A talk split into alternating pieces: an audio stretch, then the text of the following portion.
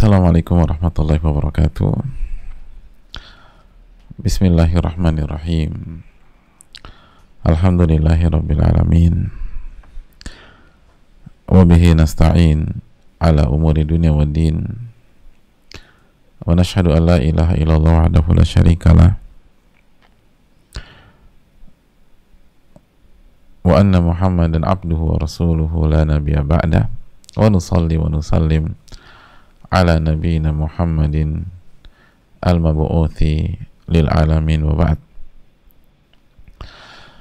Hadirin Allah muliakan.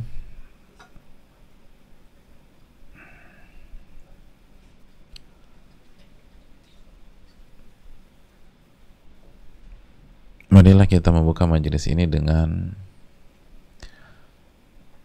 meminta pertolongan kepada Allah Subhanahu wa taala agar Allah memberikan kita ilmu yang bermanfaat.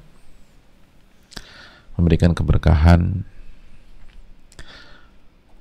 Memberikan taufiknya sehingga kita bisa memahami dan mengamalkan ilmu kita. Sebagaimana marilah kita membuka majelis ini dengan bersyukur kepada Allah Subhanahu wa taala. Atas segala nikmat dan karunia Allah berikan dan Allah limpahkan kepada kita kita bersaksi tidak ada ilah yang berhak diibadahi kecuali Allah dan Muhammad bin Abdullah adalah hamba dan nabi serta rasul Allah Subhanahu wa taala. Oleh karena itu marilah kita mengucapkan salawat dan salam kepada nabi kita Sayyidina Muhammadin sallallahu alaihi wasallam beserta para keluarga, para sahabat dan orang-orang yang istiqomah berjalan di bawah naungan sunnah beliau sampai hari kiamat kelak. Hadirin dan jamaah sekalian Allah muliakan masih di penghujung bab yakin dan tawakal. Sebelum kita melangkah ke bab istiqomah. Dan pada kesempatan kali ini kita berusaha kembali mengikat apa yang sudah disampaikan oleh Al-Imam An-Nawawi rahimahullah, rahimahullah ta'ala di dalam kitabnya Riyadus Salihin. Dan pada kesempatan kali ini kita akan menyimpulkan e, cara untuk menumbuhkan keyakinan dan memperkuat keyakinan. Jadi bagaimana sih menguatkan keyakinan atau menumbuhkan keyakinan dan memperkuat keyakinan?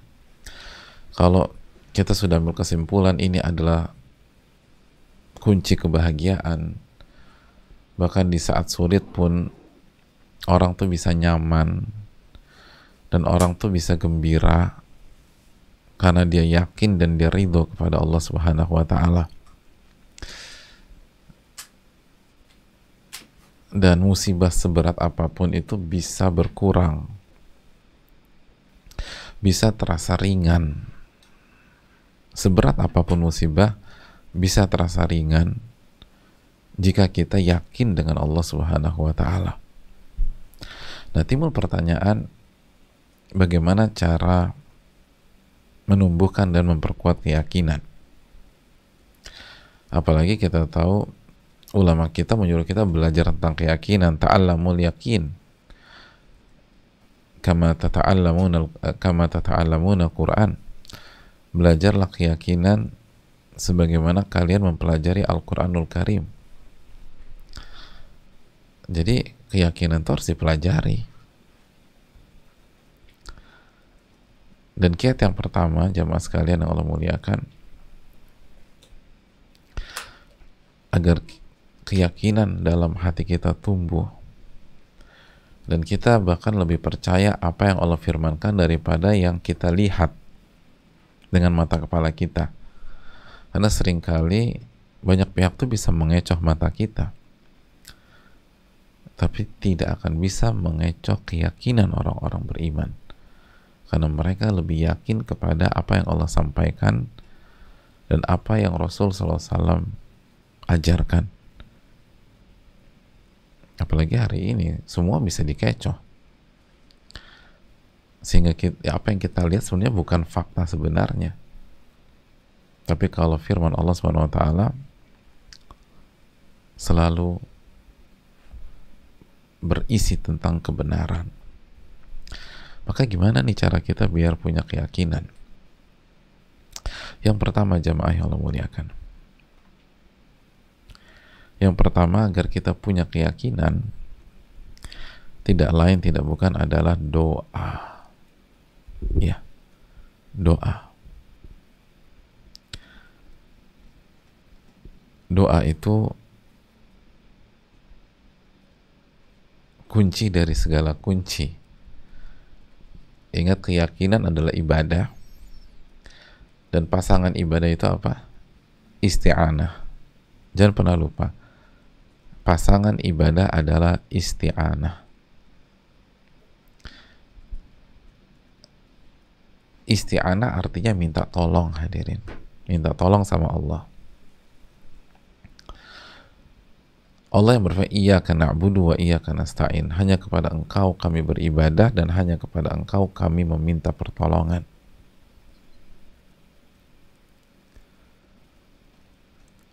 Dan meminta pertolongan itu doa.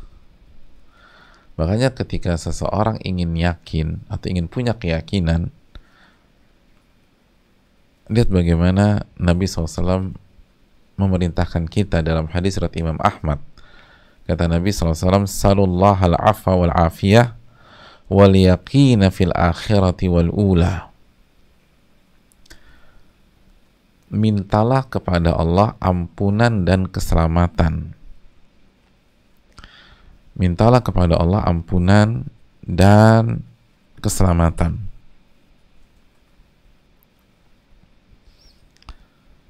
Lalu mintalah keyakinan fil akhirati wal ula. Dalam kehidupan akhirat dan dalam kehidupan dunia. Mintalah keyakinan.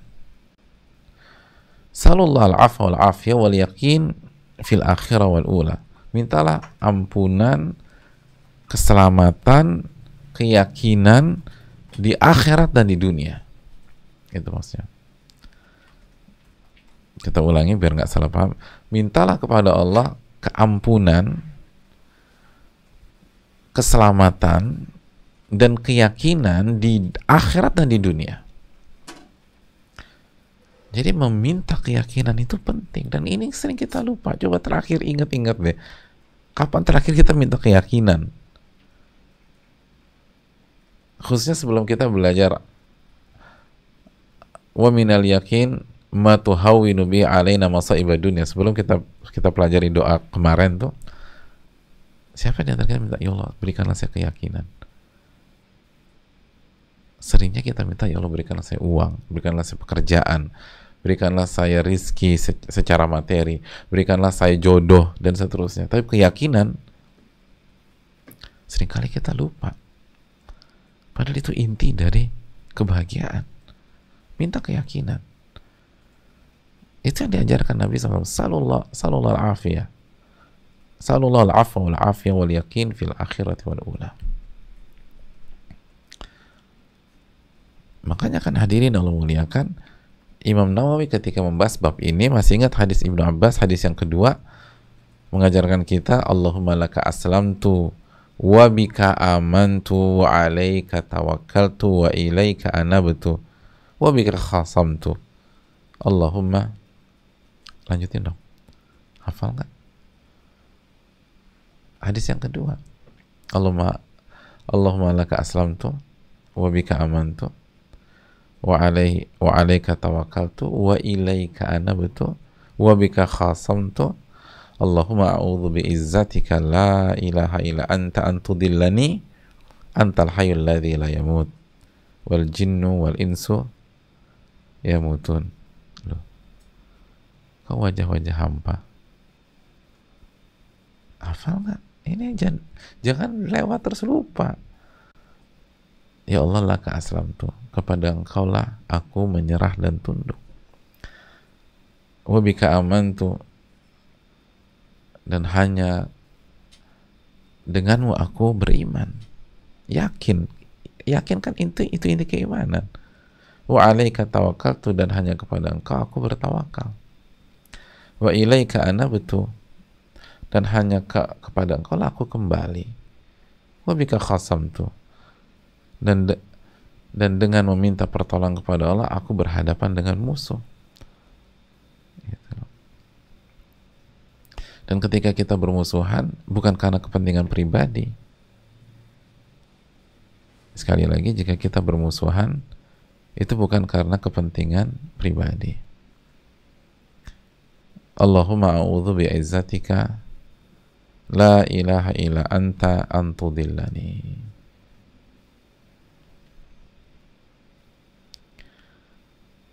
Ya Allah, aku berlindung kepada Engkau atau berlindung dengan ke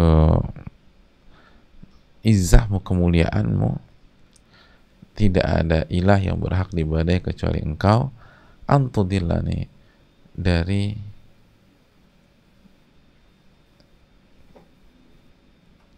kesesatan yang bisa Engkau berikan kepadaku. Jadi kita berlindung jangan sampai jangan sampai kita disesatkan. Antal hayyul ladzi la yamut wal jin wal insu yamutun. Engkau adalah zat yang maha hidup dan nggak mungkin mening nggak mungkin mati.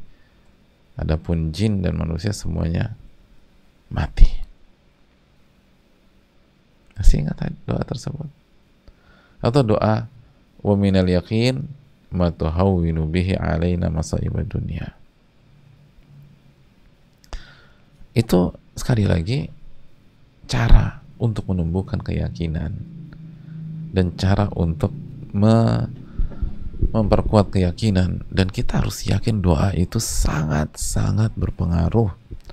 Doa itu punya power bagaimana tidak Allah berfirman dalam surat Ghafir ayat 60 Udu'uni astajib lakum minta kepadaku aku akan ijabah minta kepadaku aku akan ijabah ini ayat yang sering kali kita sampaikan, sering kali kita sampaikan. Udu'uni astajib lakum. Minta kepada aku, aku kabulkan. Atau ayat yang sering kita dengar di Ramadan dalam surat Al-Baqarah ayat 186 wa idza sa'alaka ibadi anni fa inni qarib ujibu da'wata da'i dan apabila hambaku bertanya tentang diriku katakan aku dekat ujibu da'wata da'i idza da'an Aku kabulkan doa orang-orang yang meminta jika dia meminta. Doa kepada Allah. Ingin punya keyakinan, doa. Allah dengan mudah memberikan kita keyakinan. Minta sama Allah. Dengan doa-doa yang tadi sudah kita jelaskan dari Nabi kita Shallallahu Alaihi Wasallam. Maka jika kita ingin sekali lagi jika kita ingin mendapatkan keyakinan berdoalah kepada Allah Subhanahu wa taala. Yang kedua, kiat yang kedua setelah kita berdoa jamaah sekalian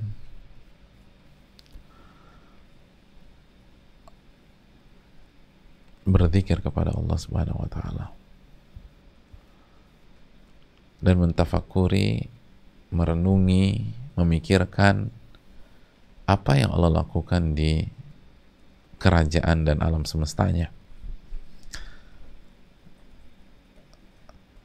Berzikir, mengingat Allah, dan merenungkan, memikirkan apa yang Allah lakukan, itu benar-benar ngebantu keyakinan kita. Benar-benar ngebantu keyakinan kita Coba kita renungkan Ali Imran ayat 190 dan 191. Ketika Allah berfirman, "Inna fi khalqis samawati wal ardi wa ikhtilafil laili wan nahari la ayatin albab." Sesungguhnya dalam penciptaan langit dan bumi, lihat penciptaan langit dan bumi. Itu kan salah satu apa yang Allah lakukan. Salah satu yang Allah lakukan adalah menciptakan langit dan bumi jadi dalam penciptaan dari dalam perbuatan Allah saat Allah menciptakan langit dan bumi itu maksudnya. Jadi dalam dalam perbuatan Allah pada saat Allah menciptakan langit dan bumi dan Allah putar siang dan malam itu ada tanda-tanda kebesarannya bagi orang-orang yang berakal. Ada tanda-tanda bagi orang-orang yang berakal. Lalu kita lanjutkan alladzina yadhkuruna Allah qiyama wa qu'uda wa ala junubihim di ayat ke-191-nya yaitu orang-orang yang mengingat Allah alladzina yadhkuruna Allah qiyama wa qu'uda wa ala junubihim. Wa yatafakkaruna fi khalqis samawati wal ard. Rabbana ma khalaqta hadza batila. Subhanaka faqina adzaban nar. Itu orang-orang yang senantiasa mengingat Allah Subhanahu wa taala. Saat dia berdiri saat duduk atau uh, dan pada saat dia berbaring. Kenapa berdiri, duduk dan berbaring disebutkan dalam ayat ini? Karena secara umum posisi manusia saat dia hidup itu kalau nggak berdiri atau duduk atau berbaring itu aja. Jongkok Ustaz, uh, jongkok perpaduan hadirin. Udah masuk ke sana. Dan mereka memikirkan tentang penciptaan langit dan bumi. Jadi orang-orang yang senantiasa mengingat Allah, dan memikirkan tentang penciptaan langit dan bumi lagi-lagi penciptaan langit dan bumi itu salah satu apa yang Allah lakukan karena yang menciptakan langit dan bumi adalah Allah Subhanahu wa taala. Jadi penciptaan langit dan bumi salah satu apa yang Allah lakukan. Jadi orang-orang yang senantiasa mengingat Allah dan memikirkan apa yang Allah lakukan, itu mereka bisa berkata, Rabbana ma khalaqta hadza batila. Engkau tidak mungkin menciptakan ini dengan sia-sia. Engkau tidak mungkin menciptakan ini tanpa ada hikmah. Jadi setiap masalah, setiap kendala, orang-orang yang senantiasa mengingat Allah dan senantiasa bertafakur, merenungkan, memikirkan perbuatan-perbuatan Allah itu senantiasa mengatakan atau merespon musibah dengan ucapan engkau tidak mungkin menciptakan ini tanpa ada hikmah tanpa ada pelajaran. Engkau nggak mungkin menciptakan masalah ini dalam kehidupan saya. Sia-sia. Pasti ada hikmah pasti ada pelajaran pasti ada kebaikan pasti ada kemudahan. Yakin Yakin Rabbana ma khalaqta hadza batila. Subhanaka. Maha suci engkau. Maha suci engkau dari semua perbuatan buruk. Maha suci engkau dari semua sifat-sifat buruk. Kalau Allah maha suci dari semua sifat buruk, lalu kita yakin bahwa apa yang kita alami adalah perbuatan Allah atau apa yang Allah takdirkan, maka pasti yang Allah takdirkan itu yang terbaik buat kita. Dan itu yang kita yakini. Bisa dimengerti korelasinya? Orang-orang yang senantiasa mengingat Allah dan apa yang Allah lakukan. Itu apa pun masalah mereka mereka pasti akan mengucapkan Rabbana ma khalaqta batila. Ya Allah engkau nggak mungkin menciptakan ini sia-sia. Pasti ada pelajaran pasti ada hikmah pasti ada maslahat pasti ada kebaikan, pasti ada kemudahan. Karena engkau maha suci dari sifat buruk. Engkau maha suci dari sifat buruk. Engkau nggak punya sifat buruk. Engkau nggak punya kekurangan. Dan kalau, sekali lagi, kalau masalah kita, ujian kita ditakdirkan oleh zat yang tidak punya sifat buruk, tidak punya kekurangan, sifatnya hanyalah sifat baik yang sempurna, maka mungkinkah apa yang kita alami yang ia takdirkan kepada kita itu buruk bagi kita? Tidak mungkin. Maka itu yang diyakini oleh orang-orang yang senantiasa mengingat Allah dan yang senantiasa meresapi dan merenungkan perbuatan-perbuatan Allah.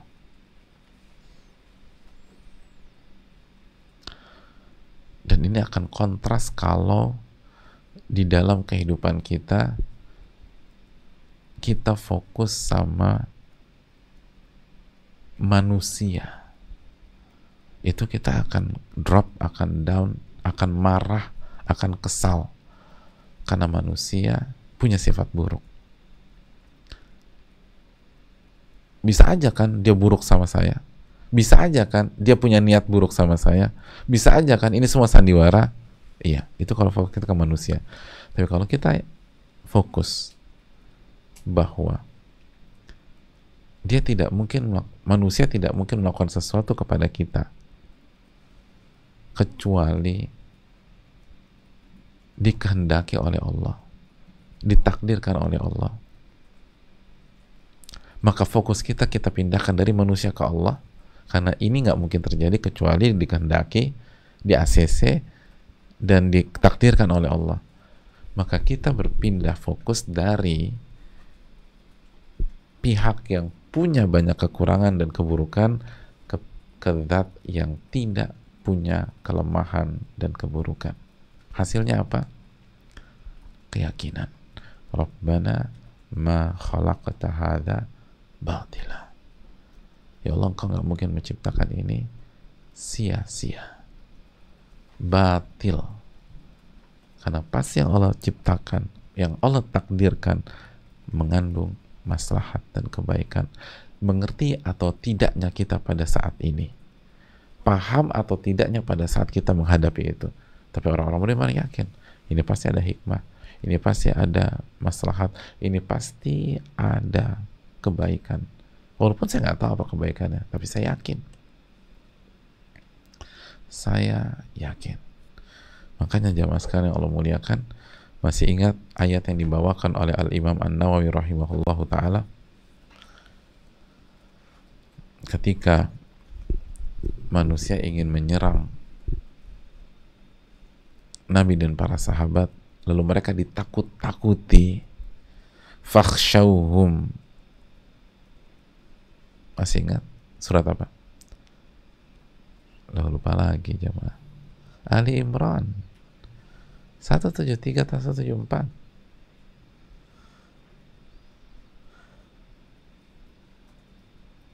ketika manusia mana fakhsyauhum takutlah kepada mereka. Fazadahum imana.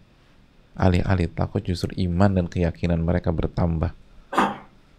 Dan mereka mengatakan hasbunallah wa ni'mal wakil cukuplah Allah sebagai penolong dan Allah sebaik-baik al-wakil lihat fokus mereka ke mana bukan ke makhluk tapi ke Allah Subhanahu wa taala. Hasbunallah, cukuplah bagi kami Allah. Dan Allah sebaik-baik al-wakil. Sebaik-baik zat yang diserahkan urusan dan ia akan lindungi, ia akan selesaikan dan ia akan atur semuanya menjadi baik buat kita. Hasbunallah wa ni'mal wakil.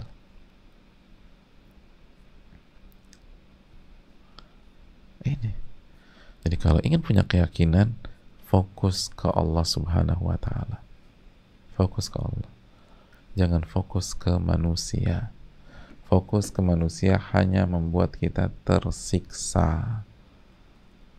Ingat, fokus ke manusia hanya akan membuat kita tersiksa. Fokus hati ya maksudnya. Fokus hati. Ya kalau kita guru pas ujian ya kita harus fokus sama murid-murid kita dan itu manusia semua. Bukan itu konteksnya tapi dalam itu selalu hati itu fokus ke Allah Subhanahu wa taala. Itu jamaah sekalian Allah muliakan. Dan sudah terbukti, sudah terbukti.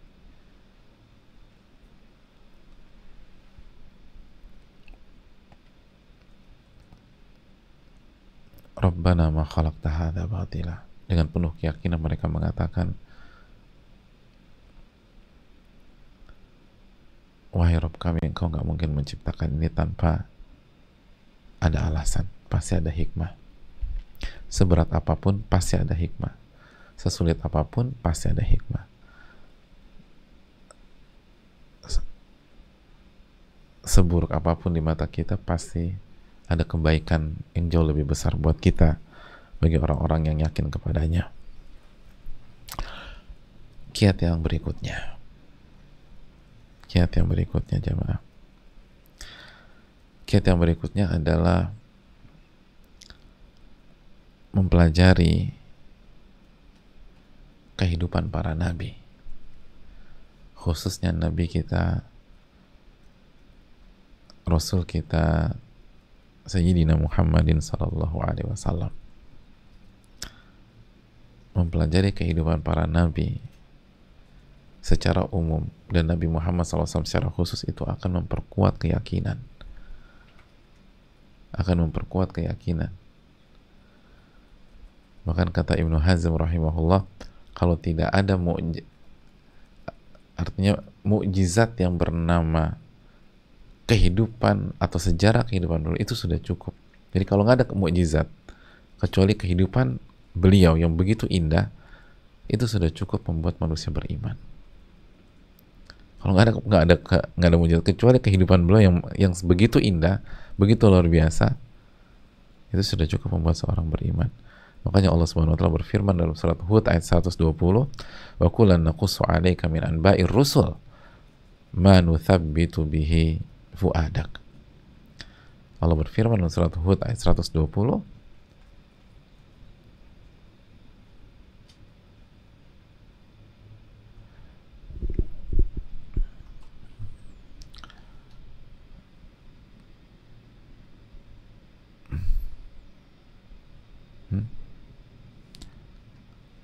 Hadirin Allah muliakan.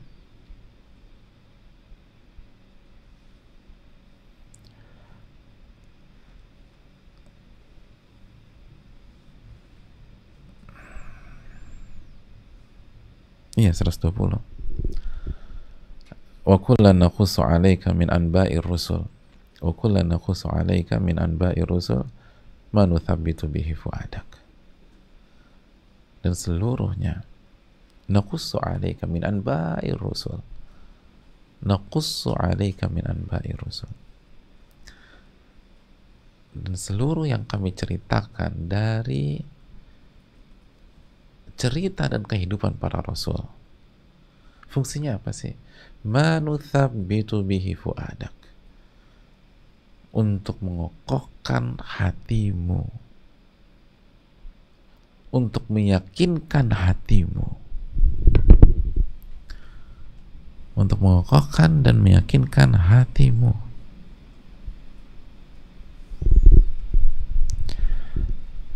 Hadirin Allah muliakan.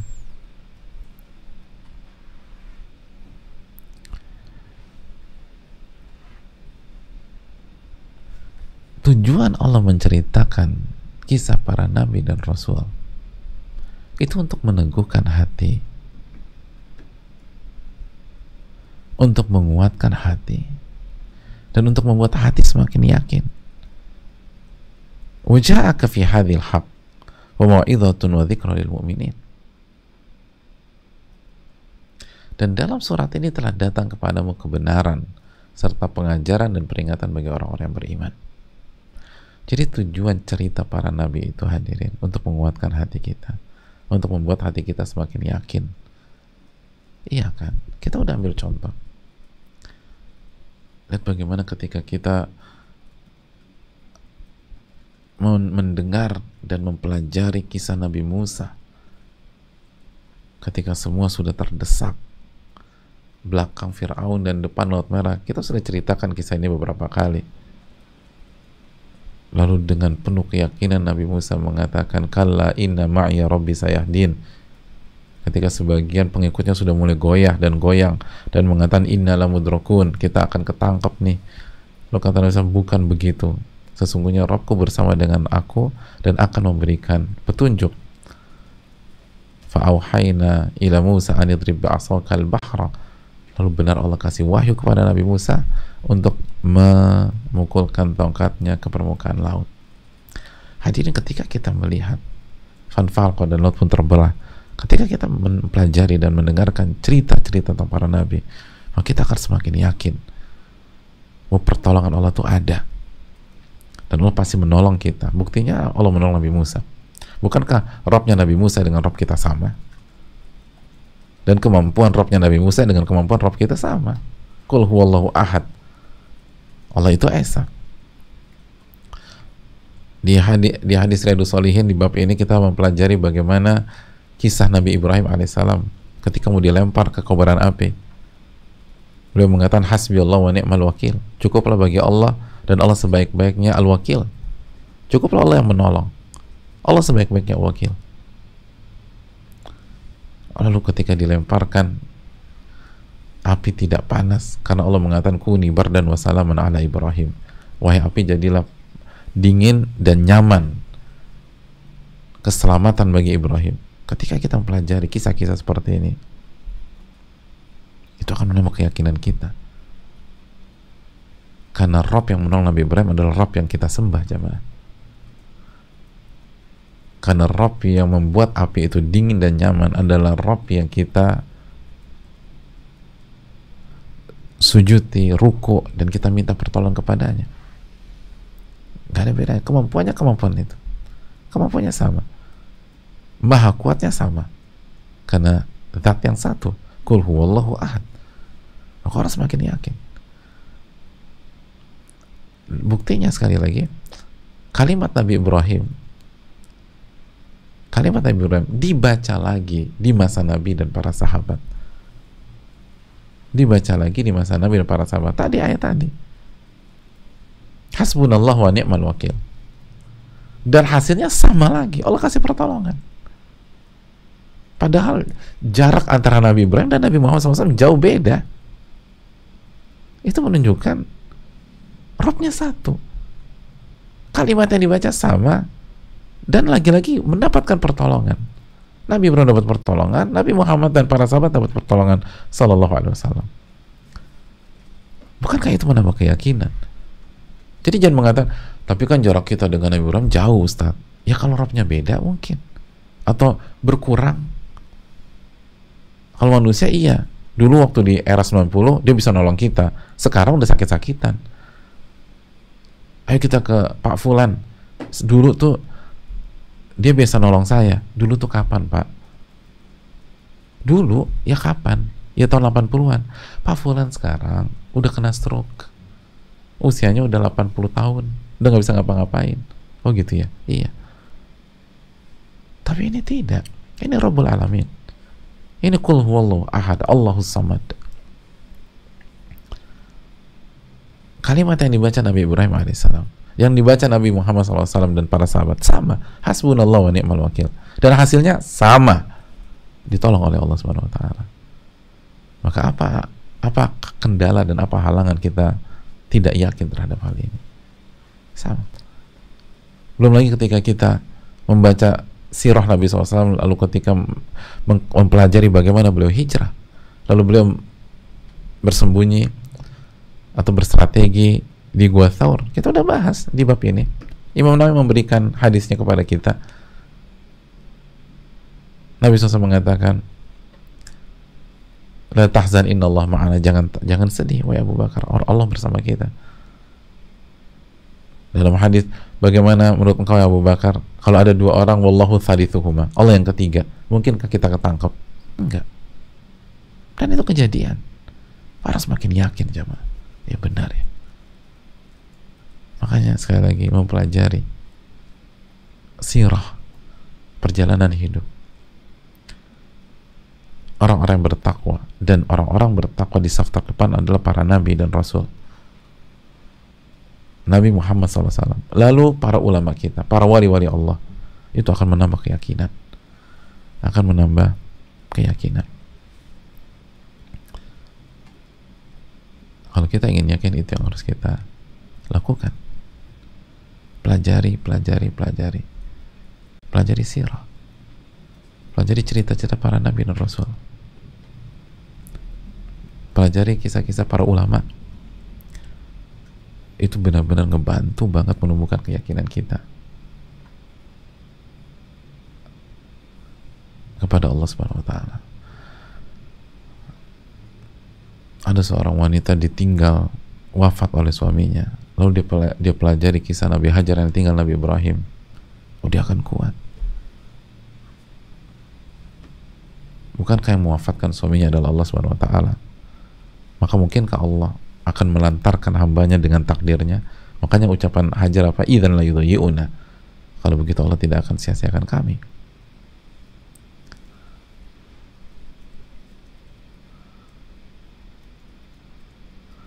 Oleh karena itu hadirin yang muliakan.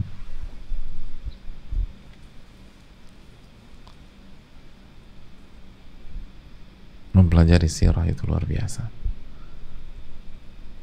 menambah keyakinan menambah keyakinan yang berikutnya hadirin Allah muliakan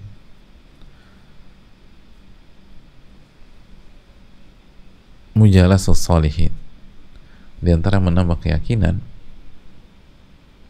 adalah hidup dan bergaul dengan orang-orang soleh hidup dan bergaul bersama orang-orang soleh itu sangat membantu. Sangat membantu. Sangat membantu. Para ulama kita menjelaskan tentang hal ini diriwayatkan dari Ibnu Qayyim beliau rahimahullah mengatakan bahwa hidup atau berinteraksi dengan orang soleh itu membuat berbagai macam perubahan. Ada beberapa perubahan yang belum sebutkan kalau tidak salah enam perubahan.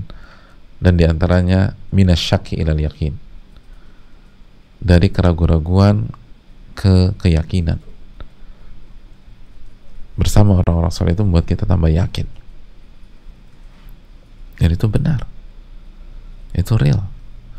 Karena bisa SAW mengatakan mathal jalisi salih wa jalisi saw kahamil miski wa nafikhil kir perumpamaan bersama orang sahabat yang soleh dan sahabat yang buruk seperti bersama tukang minyak wangi dan pandai besi. Adapun bersama tukang minyak wangi kata Nabi SAW kemungkinannya tiga. Yang pertama kita dikasih parfum sama dia. Terus kita pakai kita wangi. Yang kedua kita beli parfum dari dia. Kita pakai kita wangi. Yang ketiga kita nggak dikasih kita nggak beli mungkin nggak punya duit. Tapi dengan bersama dia ikut kena wanginya. Apalagi kalau dia punya toko parfum ada testernya udah wangi itu wangi. Ada pengaruh. Tambah yakin kita. Ini kan analogi dari Nabi SAW adapun bergaul dengan orang buruk itu seperti bergaul dengan pandai besi. Kemungkinan dua kata Nabi SAW yang pertama kita kena uh, kita kena apa? Percikan-percikan apinya bolong baju kita. Atau kalau nggak kena gaul di sana di tempat pandai besi bau apa kata Nabi SAW anta jidamin hurihan khobita kena baunya nggak enak jadi ragu-ragu kita jadi nggak yakin. Coba aja gaul sama orang-orang yang nggak beriman. Orang-orang yang nggak percaya sama Allah. Orang-orang yang pelaku dosa-dosa besar membuat kita semakin nggak yakin sama Allah. Tapi bergaul dengan orang soleh bertakwa itu membuat kita semakin yakin. Membuat kita semakin yakin. Almaru ala dini khalili falyanzur ahaduhum man yukhalil. Nabi SAW mengatakan seseorang bersama eh, seseorang di atas agama sahabat dekatnya. Seseorang di atas agama sahabat dekatnya, khalilnya. Maka lihatlah dengan siapa dia bersahabat dekat. Walaupun ada anomali, tapi itu kaidah umum. Seseorang bersama sahabat dekatnya. Cari bersahabatlah hiduplah dengan orang-orang yang yakinnya tuh kuat sama Allah. Maka kita akan diberikan Allah keyakinan juga. Dimudahkan oleh Allah untuk punya keyakinan seperti itu. Tapi kalau kita gaul sama yang ragu-ragu bener nggak ya? Bener nggak ya? Udah. Terombang ambing kita. Allah taala alam bisawab jadi bergaul itu penting. Makanya lihat Abu Bakar As-Siddiq radhiyallahu ini di bab kita kan. Ini kita apa ngiket yang kita udah pelajari di bab kita. Abu Bakar Siddiq ketika khawatir di Gua Thawr apa yang membuat beliau menjadi jauh lebih yakin? Tentu saja level beliau jauh banget di atas kita. Dan Allah berikan ketenangan karena teman hijrahnya Nabi SAW Nabi kata la tahzan inna Allah ma'ana. Jangan sedih Abu Bakar. Allah bersama kita Ma Bagaimana dengan dua orang dan ketiganya Allah Subhanahu wa taala? oh itu beda. Itu beda.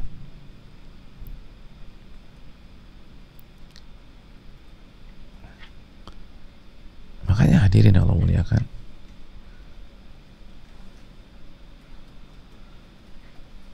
Sahabat-sahabat terbaik adalah sahabat-sahabat yang paling sering bersama Nabi SAW Abu Bakar, Umar, Uthman, Ali radhiyallahu taala anhum ajmain.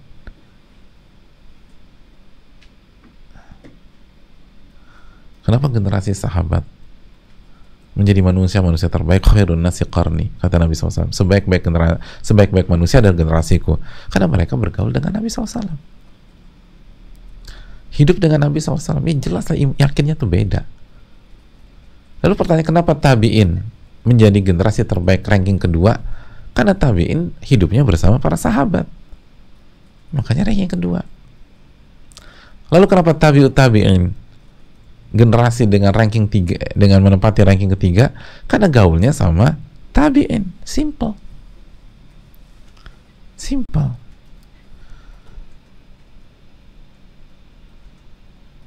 Keyakinan itu sangat ditentukan oleh lingkungan dan pergaulan.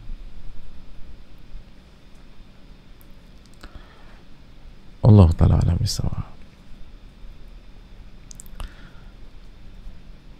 Dan yang terakhir hadirin sekalian yang Allah yang terakhir bahwa menumbuhkan keyakinan dan menguatkan keyakinan adalah dengan menghadapi segala masalah, segala ujian dengan iman dan amal soleh. Udah, ini udah ngikat semuanya nih. Menghadapi masalah dengan iman dan amal soleh. Bukan dengan sebatas logika. Bukan dengan sebatas asumsi. Menghadapi masalah dan ujian itu dengan janji Allah dengan apa yang Allah firmankan makanya jamaah sekalian salah satu fungsi dan hikmah masalah dan musibah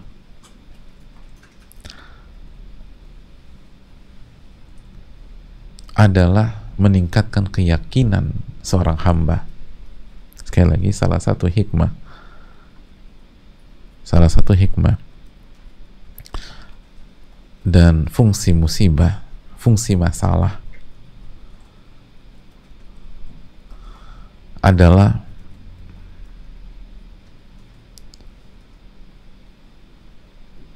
meningkatkan keyakinan dan iman seorang hamba.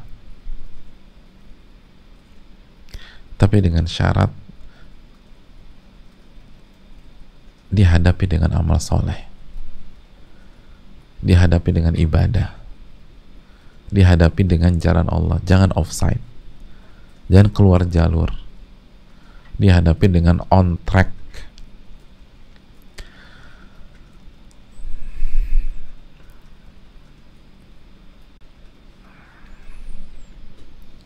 Makanya sebagian ulama mengatakan fungsi masalah dan musibah serta ujian adalah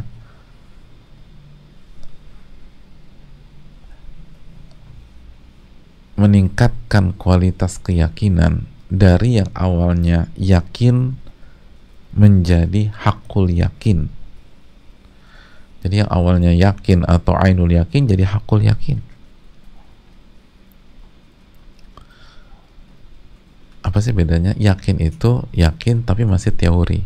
Kita belum pernah ngeliat dan kita belum pernah ngalamin. Kalau ainul yakin, yakin kita sudah pernah lihat tapi kita belum pernah ngalamin Adapun tingkatan yang paling tinggi adalah yakin. Eh ya, tingkatan tertinggi adalah hakul yakin. Hakul yakin itu kita udah ngalamin. Kita udah ngerasain.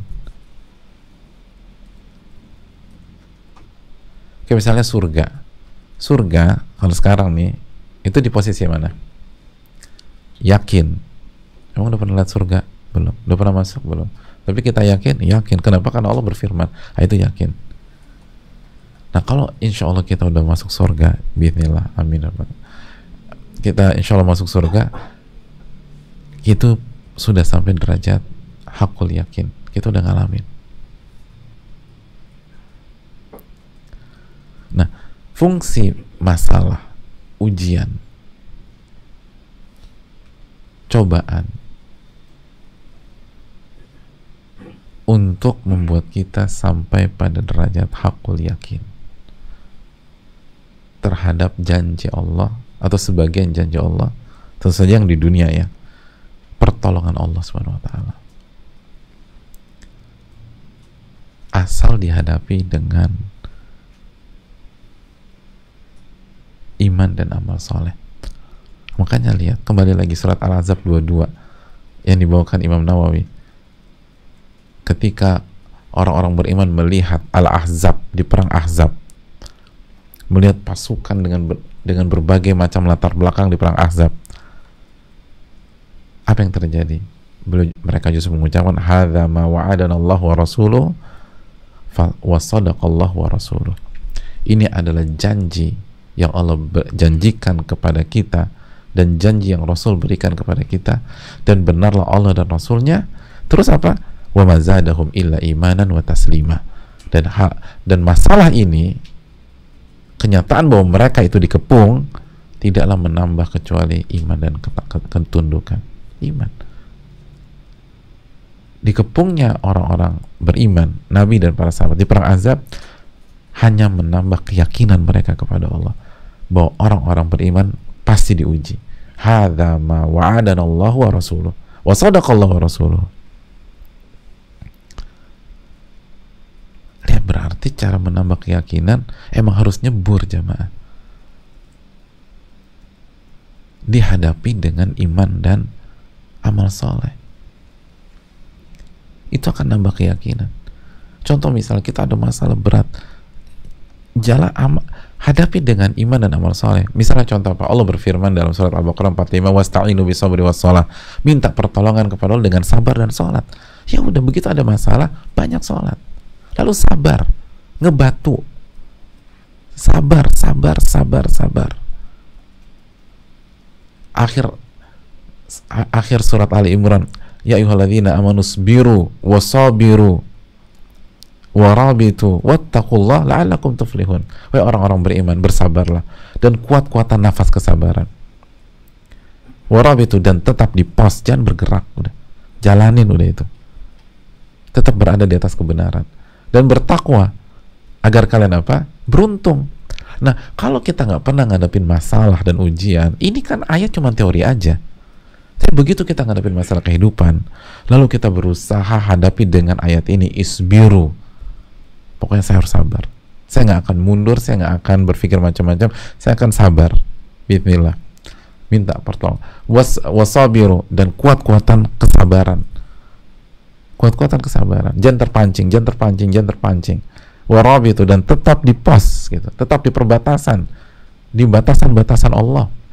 Lalu tetap bertakwa. Eh, setelah setelah sekian lama kita lakukan pola itu dan ngebatu makanya kan sabar salah satu maknanya ngebatu. Sampai pada satu titik Allah kasih pertolongan dari arah yang nggak pernah kita pikirkan dan itulah keberuntungan. La'allakum tuflihun. Agar kalian beruntung. Dan ketika Allah tolong itu keyakinan luar biasa jemaah. Benar ternyata benar ini bukan hanya teori. Ini kenyataan. Ini kenyataan benar-benar tuh yakinnya terhadap ayat terakhir Ali Imran. Yakinnya terhadap At-Talaq ayat 2 dan 3 wa man yattaqillah yaj'al lahu makhraja wa yarzuqhu min haitsu yahtasib. Itu beda daripada sebelumnya. Berbeda kalau kita nggak on track. Akhirnya ngadepin masalah dengan maksiat dengan cara yang haram dengan jalan pintas yang nggak diridhoi oleh Allah. Nggak ada tuh. Nggak nambah keyakinan. Mungkin masalah terkesan clear selesai tetapi dosa. Dan yang lebih penting, tidak ada keyakinan yang bertambah. Justru keyakinan semakin menurun. Bukankah hidup, bukankah hidup itu bukan tentang bukan tentang angka, bukan tentang harta, bukan tentang sehat atau sakit. Hidup itu tentang iman dan keyakinan. kebahagiaan itu tentang iman dan keyakinan. Dan ketika masalah terkesan selesai dengan cara yang haram, kita nggak mungkin dapat kebahagiaan. Kenapa? Karena keyakinan akan turun. Keyakinan bertambah jika kita hadapi dengan sesuai. Makanya, walaupun pasti lebih berat, kecuali ditolong oleh Allah Subhanahu Wa Taala, atau secara umum lebih berat, kan menghadapi masalah paling enak kan dengan maksiat, kan gitu kan, dengan maksiat. Menghadapi masalah finance paling enak, contohnya dengan riba enak, lebih cepat jadi menghadapi masalah dengan jalan Allah secara umum akan jauh lebih berat. Tapi ganjarannya juga sepandan, bahkan bukan bukan sepandan lagi, jauh lebih besar. Di antaranya adalah keyakinan bertambah.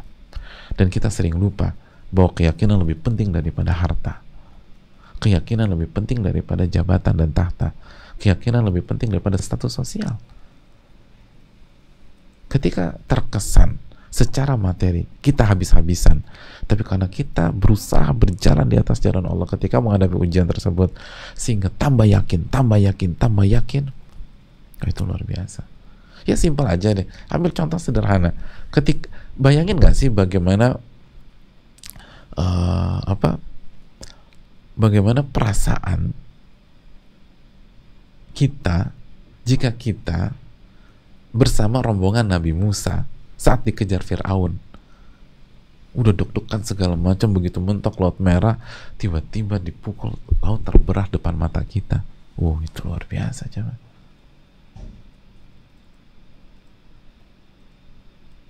Itu keyakinan seperti itu luar biasa. Tapi kan untuk sampai titik itu anda harus dikejar dulu sama Fir'aun.